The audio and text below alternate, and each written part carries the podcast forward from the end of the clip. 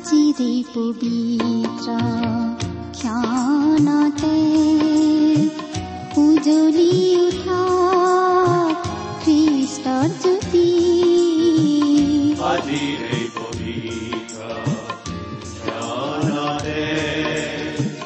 উজ্বলি উঠা খ্ৰীষ্টৰ জ্যোতি আকাশ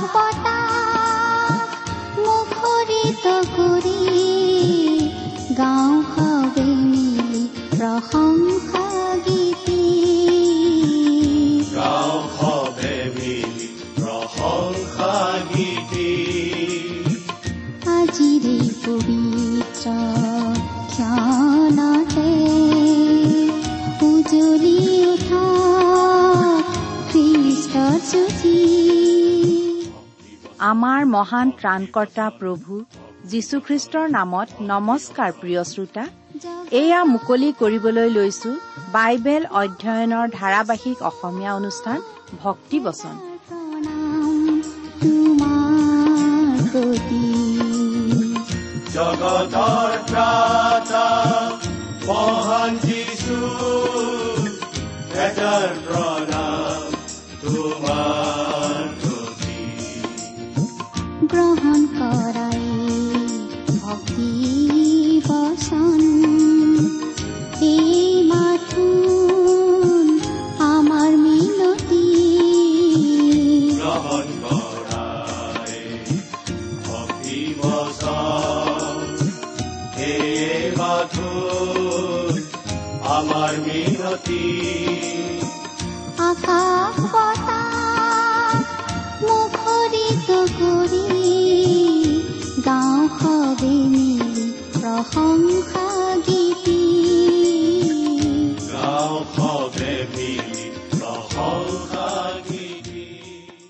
আমাৰ পৰম পবিত্ৰ প্ৰভু যীশুখ্ৰীষ্টৰ নামত নমস্কাৰ প্ৰিয় শ্ৰোতা।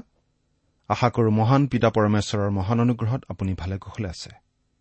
প্ৰিয় শ্ৰোতা আপুনি যে আমাৰ এই ভক্তিবচন অনুষ্ঠানটো শুনিছে তাৰ দ্বাৰা আচলতে ঈশ্বৰৰ প্ৰতি থকা আপোনাৰ শ্ৰদ্ধা ভক্তিৰ কথাই প্ৰকাশ পাইছে।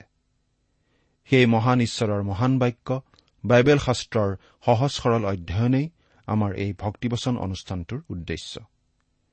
সেই ক্ষেত্ৰত আমি কিমান দূৰ সফল হৈছো তাৰ বিচাৰ আপোনালোকৰ হাতত। আপোনালোকৰ মতামত আদি আমালৈ চিঠি লিখি জনাবচোন। যদিহে আপুনি আমাৰ নিয়মীয়া শ্ৰোতা কিন্তু কেতিয়াও আমালৈ চিঠি পত্ৰ লিখা নাই তেনেহলে আজিয়েই লিখিবচোন।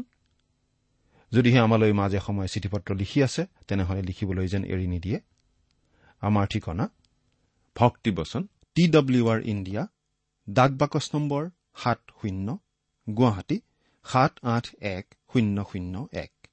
Bhaktibachan T W R India postbox number seventy Guwahati seven eight one zero' zero' one আমাৰ website W W W dot radio' eight eight two dot com প্ৰিয় শ্ৰোতা আপোনালোক যিসকলে আমাৰ এই খ্ৰীষ্টীয় অনুষ্ঠান ভক্তিবচন শুনি আছে নিয়মিতভাৱে সেইসকলে জানে যে আমি বৰ্তমানে বাইবেলৰ পুৰণি নিয়ম খণ্ডৰ আমোচ ভাৱবাদীৰ পুস্তক নামৰ পুস্তকখন অধ্যয়ন কৰি আছো।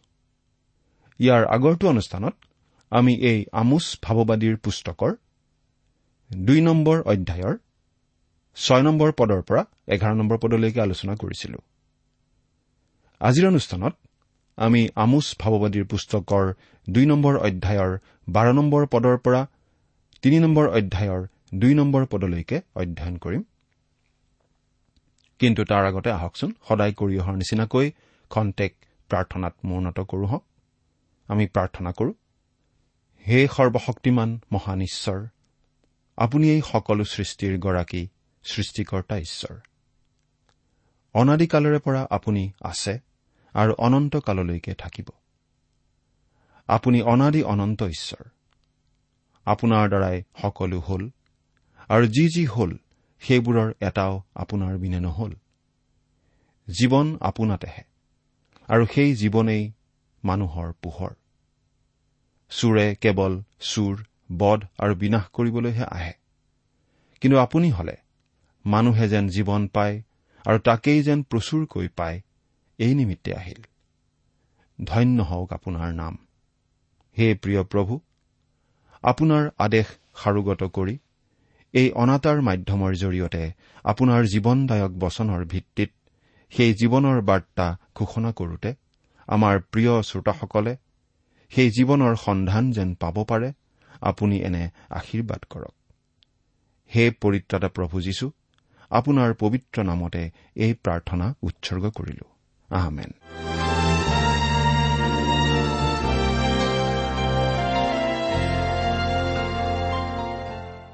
প্ৰিয় শ্ৰোতা আপোনাৰ নিশ্চয় মনত পৰিব যে আমি ইয়াৰ আগৰটো অধ্যয়নত আমোচ ভাৱবাদীয়ে ইছৰাইলৰ উত্তৰ ৰাজ্যৰ ইছৰাইলীয়া লোকসকলে আচৰণ কৰা অপৰাধসমূহৰ বিৰুদ্ধে ঈশ্বৰৰ সুধবিচাৰ ঘোষণা কৰা পাইছিলো।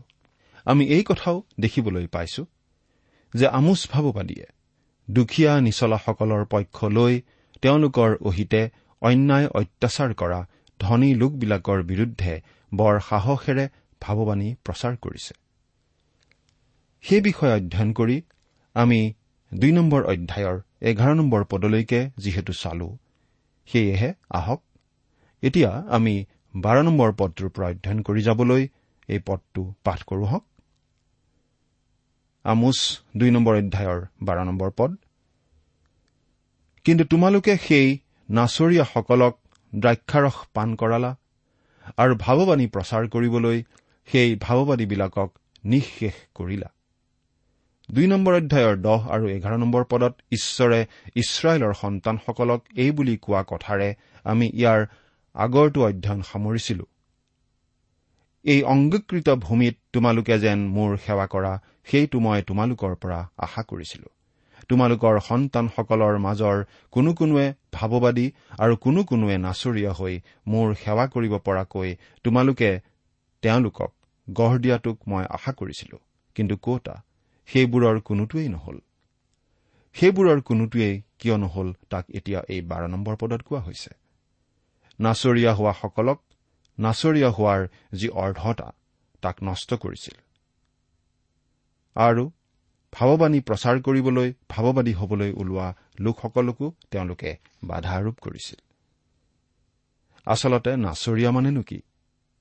ইছৰাইলৰ সন্তানসকলৰ মাজত সেইগৰাকী লোককেই নাচৰীয়া বোলা হৈছিল যিগৰাকী লোকে ঈশ্বৰৰ পৰিচৰ্যাৰ কাম কৰিবলৈ স্বেচ্ছাই শপত গ্ৰহণ কৰি নিজকে ঈশ্বৰৰ হাতত সমৰ্পণ কৰিছিল। নাচৰীয়াসকলে কৰিব নোৱাৰা বা কৰিব নালাগিব এনে তিনিটা বিষয় আছিল। প্ৰথমটো হৈছে তেওঁ চুলি কাটিব নোৱাৰিছিল। কিয়? কাৰণ তাৰে মানুহে নাচৰীয়াজনক চিনি পাব পাৰিছিল যে মানুহজন নাচৰীয়া। সেয়া আছিল পুৰুষ লোকৰ মাজত নাচৰীয়াজনক নাচৰীয়া ৰূপে চিনি পোৱাৰ এটা চিন। কিন্তু এগৰাকী বিখ্যাত বাইবেল শিক্ষকে কথাটো অলপ বেলেগ ধৰণে ভাবিছে। নাচৰীয়াসকলে চুলি নাকাটি দীঘলকৈ ৰাখিছিল কিয়? কাৰণ পুৰুষ মানুহ এজনে দীঘলকৈ চুলি ৰখাটো তেওঁৰ নিজলৈকে লাজৰ বিষয় বুলি পাচনি পৌলে কৈছে। প্ৰথম কৰিন্ঠিয়া এঘাৰ নম্বৰ অধ্যায়ৰ চৈধ্য নম্বৰ পদত। কিন্তু নাচৰীয়াসকলে দীঘলকৈ চুলি ৰাখিছিল কাৰণ তেওঁলোকে ঈশ্বৰৰ কাৰণে লাজ সহন কৰিবলৈ সদায় প্ৰস্তুত আছিল। কিন্তু আজিকালি আমি আমাৰ সোঁৱে বাওঁৱে সন্মুখে পাছে যিমানবিলাক ডেকা দীঘল চুলিৰে দেখো তেওঁলোকে ঈশ্বৰৰ নামৰ নিমিত্তে লাজ সহন কৰিবনে? নকৰে। সেইটো তেওঁলোকৰ উদ্দেশ্য নহয়। তেন্তে ইমান কষ্ট কৰি দীঘলকৈ এই জাক ডেকাই চুলি ৰাখে কিয়? মিলিটাৰী কাট দিয়া সেই মোৰ আই ছোৱালীহঁতক প্ৰত্যাহান জনাবলৈকে তেওঁলোকে দীঘল চুলি ৰাখে। তেওঁলোকে প্ৰত্যাহান জনাই কয় তোমালোক মাইকী ছোৱালীবোৰে মিলিটাৰী কাট দি চুলি কাটিলে আমি মতা ল'ৰাবোৰে চুলি নকটাকৈ আধা ফুট বা ন ইঞ্চি দীঘল চুলি ৰাখিব নোৱাৰোনে? নহলে প্ৰিয় শ্ৰোতা তাৰ বাহিৰে আন কি বেলেগ কাৰণ থাকিব পাৰে চিন্তা কৰিও বাহিৰ কৰিব আমি হলে নোৱাৰিছো। নাচৰীয়াসকলে কৰিব নোৱাৰা দ্বিতীয়টো বিষয় আছিল যে তেওঁলোকে দ্ৰাক্ষাৰস সুৰা আৰু দ্ৰাক্ষাৰে তৈয়াৰ কৰা কিচমিচ পৰ্যন্ত খাব বা স্পৰ্শ কৰিব নোৱাৰিছিল। কিন্তু ইছৰাইলৰ সন্তানসকলে নাচৰীয়াসকলক দ্ৰাক্ষাৰস পাণ কৰোৱাই ঈশ্বৰে আৰোপ কৰা বিধান ভংগ কৰিছিল। নাচৰীয়াসকলে কৰিব নলগীয়া তৃতীয়টো বিষয় হৈছে যে তেওঁলোকে মৰা শ স্পৰ্শ কৰিব নোৱাৰিছিল আনকি তাৰ ওচৰলৈকে যাব নোৱাৰিছিল। নাচৰীয়াজনৰ ঘৰৰ কোনো প্ৰিয় লোক যদি ঢুকাইছিল তেতিয়াও স সৎকাৰ কৰা কাৰ্যত যোগদান কৰিব নোৱাৰিছিল। তেওঁৰ জীৱনত যে ঈশ্বৰকেই প্ৰথম স্থান দিয়া হৈছিল ইয়াৰে তাকেই প্ৰমাণ দিছিল। তাৰ পাছত ইছৰাইলৰ সন্তানসকলে কৰা আনটো অপৰাধ আছিল যে তেওঁলোকে ভাৱবাদীসকলক ভাৱবাণী প্ৰচাৰ কৰিবলৈ দিয়া নাছিল। মানুহবিলাকে ভাৱবাদীসকলক কৈছিল আমি তোমালোকৰ ভাৱবাণী শুনিবলৈ ইচ্ছা নকৰো। এইদৰে তেওঁলোকে ঈশ্বৰৰ ভাৱবাদীক উপেক্ষা কৰিছিল। বৰ বলপূৰ্বকভাৱে তেওঁলোকক প্ৰত্যাখ্যান কৰিছিল। আজি আমাৰ মাজতো সেইটোৱেই ঘটা নাই জানো? ঐশ্বৰিক বা আধ্যামিক কথাত মনোযোগ দিয়া লোকসকল আজি লোকচক্ষুত দুৰ্বল আৰু হীন চিন্তা আৰু হীনমন্যতাৰ লোক। তেওঁলোকলৈ চালে জগতৰ মানুহে বৰ পুতৌৰ দৃষ্টিৰে চায়। তেওঁলোকে ভাৱবাদীৰ দৰে ঈশ্বৰৰ বচন প্ৰচাৰ কৰিলে ধৰ্মৰ কথা কোৱা বুলি ভাবে। তেওঁলোকে ঘোষণা কৰা ঈশ্বৰৰ বচনৰ বাণীবোৰ শুনিলেও চলে আৰু নুশুনিলেও চলে বুলি ধাৰণা কৰে। নাইবা তেওঁলোকে ভাবে যে এই ধৰ্মপ্ৰচাৰকবিলাকে কেৱল পাপ অপৰাধৰ কথাকেই ঘূৰাই ঘূৰাই কৈ থাকে।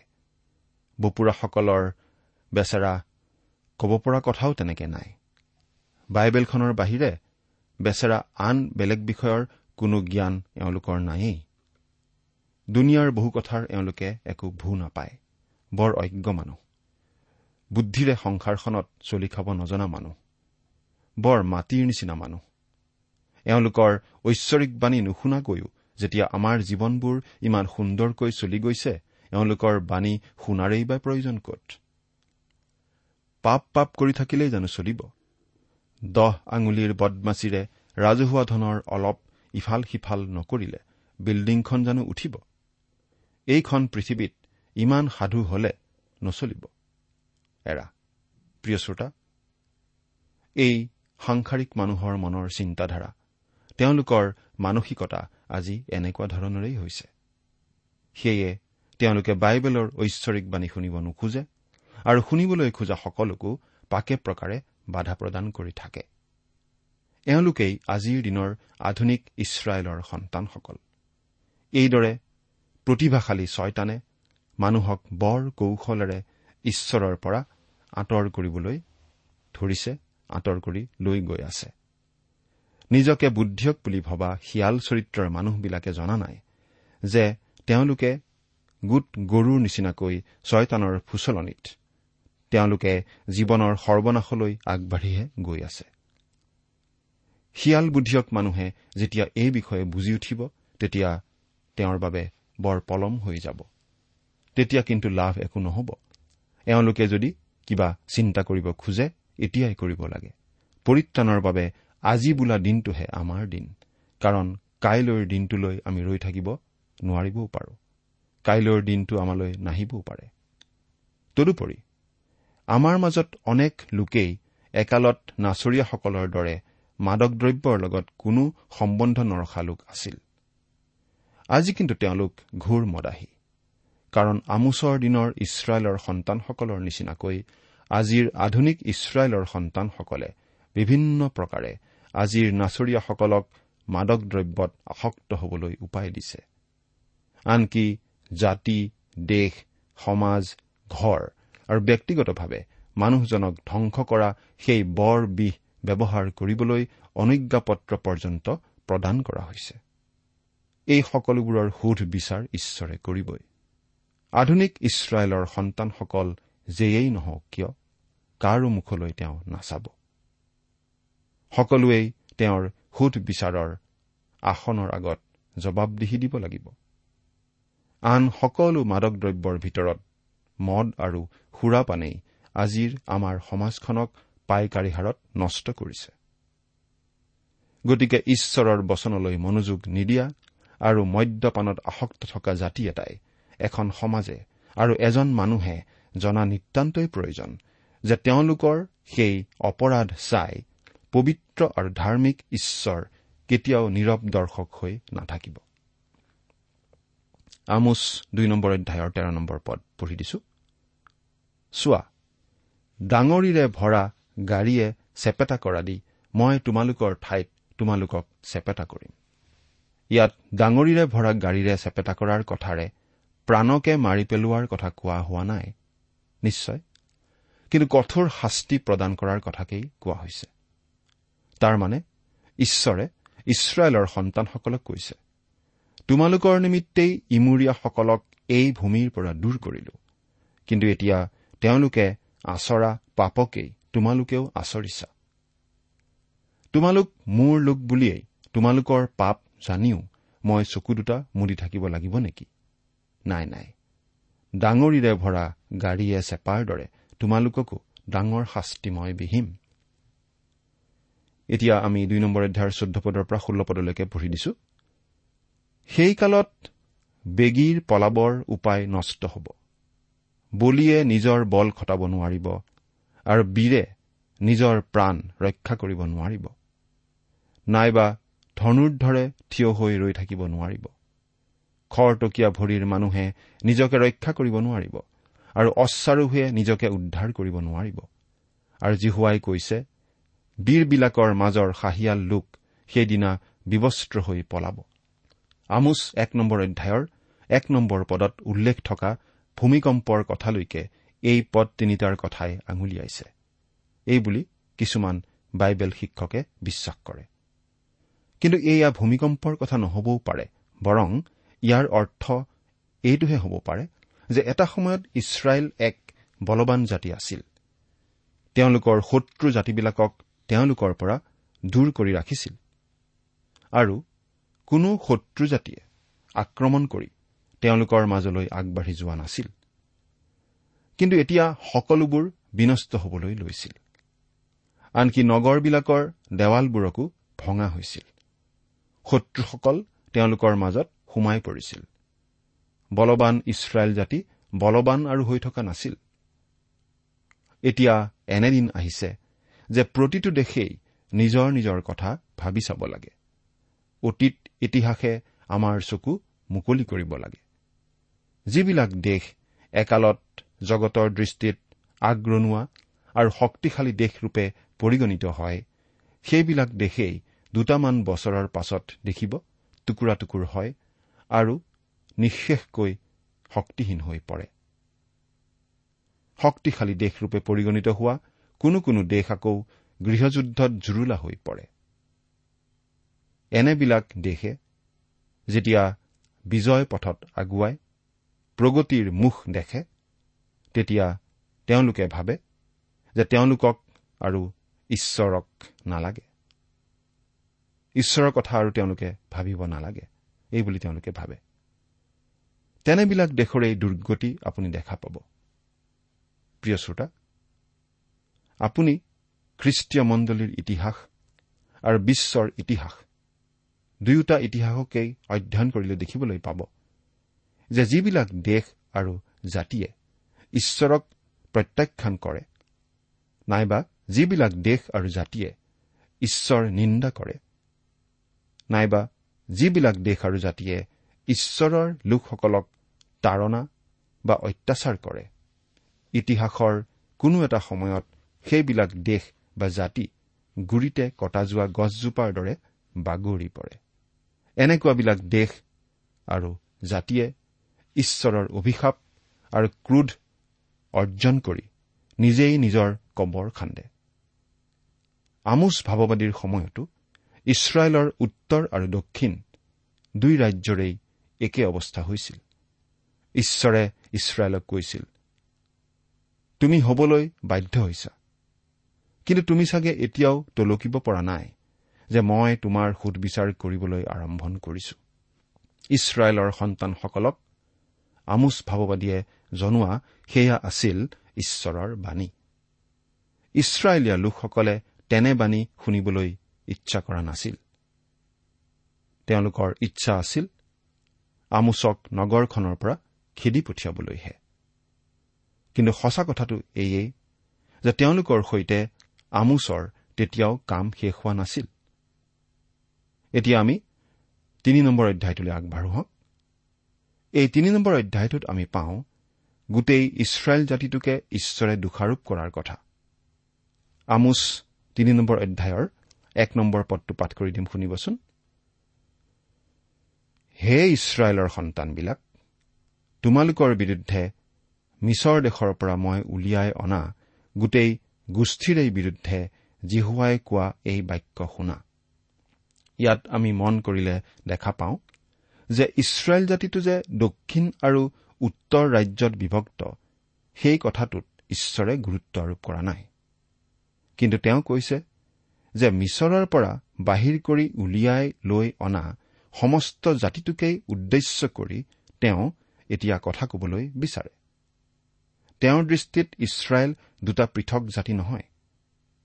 তেওঁৰ দৃষ্টিত গোটেই বাৰটা ফৈদৰ ইছৰাইলীয় লোকৰূপে কেৱল এটাহে জাতি।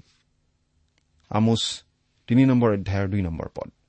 তেওঁ কৈছে পৃথিৱীৰ সকলো গোষ্ঠীৰে মাজত কেৱল তোমালোককেই মই জানিলো। এইকাৰণে মই তোমালোকৰ আটাই অপৰাধৰ নিমিত্তে তোমালোকক দণ্ড দিম। ইয়াত আমোছে য'ত ধৰিব ঠিক তাতেই ধৰিছে। তেওঁ কোনোধৰণৰ চালেবেৰে কোবোৱা কথা কোৱা নাই। তেওঁ একো কথা লুকুৱাই ৰখা নাই। পোনছাতেই কৈছে যে গোটেই ইছৰাইল জাতিৰ অপৰাধৰ নিমিত্তে ঈশ্বৰে তেওঁলোকক শাস্তি দিব। এইটো বৰ বেয়া কথা হ'ল যে ইছৰাইলৰ ৰজা আৰু পুৰোহিতসকলে তেওঁৰ কথালৈ কাণসাৰ নকৰিলে। তেওঁৰ ভাৱবাণীলৈ মনোযোগ দিয়া হলে ইছৰাইলৰ ইতিহাসেই সম্পূৰ্ণ বেলেগ হলহেঁতেন। ঈশ্বৰে ইছৰাইল জাতিৰ লোকসকলক কৈছে পৃথিৱীৰ সকলো গোষ্ঠীৰ ভিতৰত কেৱল তোমালোককেই মই জানিলো। কাৰণ নোহৰ দিনৰ জলপ্লাৱনৰ পাছতো মানুহ এনেভাৱে পাপ জীৱনতেই মজি থাকিল যে বাবিলৰ ওখ গৃহটো নিৰ্মাণ কৰোতে সেই মানুহ ঈশ্বৰৰ পৰা পুনৰ পৃথক হল। মানুহ তেতিয়া সম্পূৰ্ণৰূপে খহি পৰিল। তাৰ পাছত ঈশ্বৰে উৰ দেশৰ কলদিয়াসকলৰ মাজৰ পৰা অব্ৰাহাম নামৰ মানুহজনক আহান কৰি প্ৰতিমা পূজা কৰা তেওঁৰ জাতিৰ মাজৰ পৰা ওলাই আহিবলৈ আদেশ কৰি তেওঁক যি ঠাইলৈ যাবলৈ আদেশ কৰে তালৈকে যাবলৈ আজ্ঞা কৰিলে। আৰু ঈশ্বৰে কলে যে অব্ৰাহাম নামৰ এই মানুহজনৰ পৰাই তেওঁ এটা জাতিৰ উৎপত্তি কৰিব আৰু তেওঁলোকক এখন দেশ দিব। পৃথিৱীৰ সকলো গোষ্ঠীৰ ভিতৰত কেৱল তোমালোককেই মই জানিলো। এই বুলি কওঁতে ঈশ্বৰে এই কথাকেই কৈছে যে তেওঁলোকক ঈশ্বৰে বিশেষভাৱে সকলো জাতিৰ মাজৰ পৰা বাছি লৈছে। গোটেই জগতজুৰি তেওঁৰ বাণী বিস্তাৰ কৰিবলৈ ঈশ্বৰে এই ব্যৱস্থাটো লৈছে।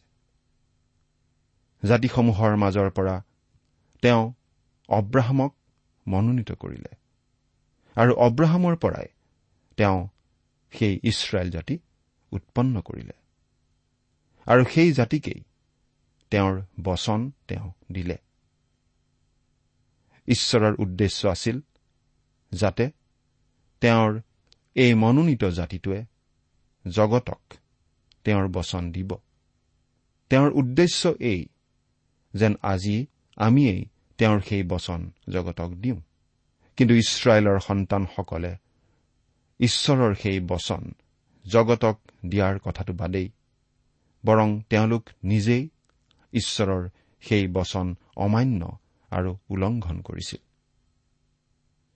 তেওঁলোকে ঈশ্বৰৰ বচন পোৱাৰ বাবে তেওঁলোকৰ দায়িত্বও আছিল বেছি।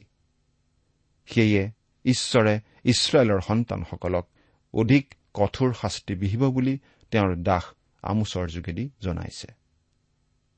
আজি আমি যিসকলে ঈশ্বৰৰ বচন জানো কিন্তু তাক বিস্তাৰ নকৰো আমাৰো বিচাৰ ভাৰী হ'ব। জগতৰ অনেক লোকে আজি ঈশ্বৰৰ প্ৰেম জনাটো প্ৰয়োজন। যি প্ৰেম তেওঁ প্ৰকাশ কৰিলে কালবাৰীৰ ক্ৰুচত আৰু যি প্ৰেমৰ গুণে তেওঁ পাপীৰ পৰিত্ৰাণৰ অৰ্থে পৰিত্ৰাণৰ মূল্য পাপী মানুহৰ হৈ নিজৰ প্ৰাণ দিয়াৰ দ্বাৰাই বহন কৰিলে। প্ৰভু যীশুৰ সেই প্ৰেমৰ বাণী যদি আমি জনাসকলে জগতক নজনাওঁ তেন্তে আমাক শাস্তি নিদি ঈশ্বৰে কাক শাস্তি দিব লাগিব কওকচোন বাৰু? আপুনি ঈশ্বৰৰ প্ৰেমৰ বিষয়ে জানিলেনে প্ৰিয় শ্ৰোতা? যদিহে জনা নাই আমাক লিখি জানিবলৈ চেষ্টা কৰক। আৰু যদিহে জানিলে আপুনি আনকো জনাওক। ঈশ্বৰে আপোনাক আশীৰ্বাদ কৰক।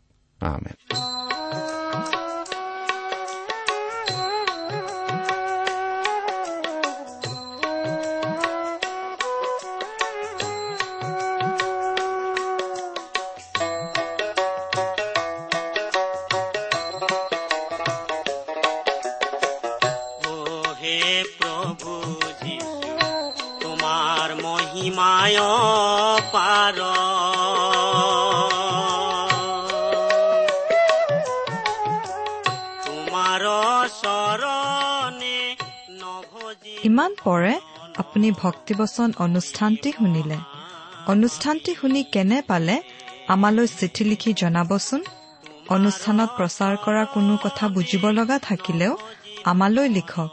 আমাৰ ঠিকনা ভক্তিবচন টি ডাব্লিউ আৰ ইণ্ডিয়া ডাক পাকচ নম্বৰ সাত শূন্য গুৱাহাটী সাত আঠ এক শূন্য শূন্য এক। ঠিকনাটো আৰু এবাৰ কৈছো ভক্তিবচন টি ডাব্লিউ আৰ ইণ্ডিয়া ডাক পাকচ নম্বৰ সাত শূন্য গুৱাহাটী সাত আঠ এক শূন্য শূন্য এক। আপুনি ইমেইল যোগেৰেও আমাৰ সৈতে যোগাযোগ কৰিব পাৰে। আমাৰ ইমেইল আইডিটো হৈছে Assamese T TV at radio' eight eight two dot com আইডিটো আকৌ এবাৰ কৈছো। Assamese T TV at radio' eight eight two dot com আপুনি টেলিফোনৰ মাধ্যমেৰেও আমাক যোগাযোগ কৰিব পাৰে। আমাৰ টেলিফোন নম্বৰটো হৈছে শূন্য তিনি ছয় এক দুই ছয় শূন্য চাৰি ছয় সাত এক। ফোন নম্বৰটো আকৌ এবাৰ কৈছো zero' three six one two six zero' four six seven one. আজিৰ অনুষ্ঠানটি ইমানতে সামৰিছো। ঈশ্বৰৰ শান্তি আৰু অনুগ্ৰহ আপোনাৰ লগত থাকক। ধন্যবাদ। তোমাৰ চৰণে নভজিলো শৰণ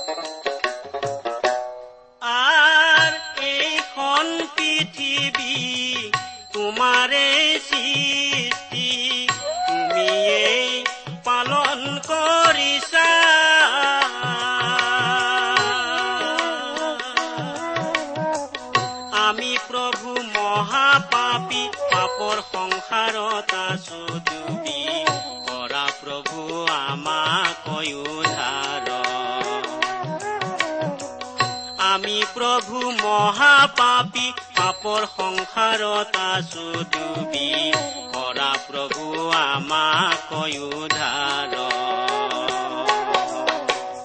অ হে প্ৰভু যীশু তোমাৰ মহিমায় পাৰ তোমাৰ চৰণে নভজিলো শৰণ। মই মহাপাপী চৰণে নভজিলো শৰণ। মই মহাপাপী হে তোমাৰ চৰণে নভজিলো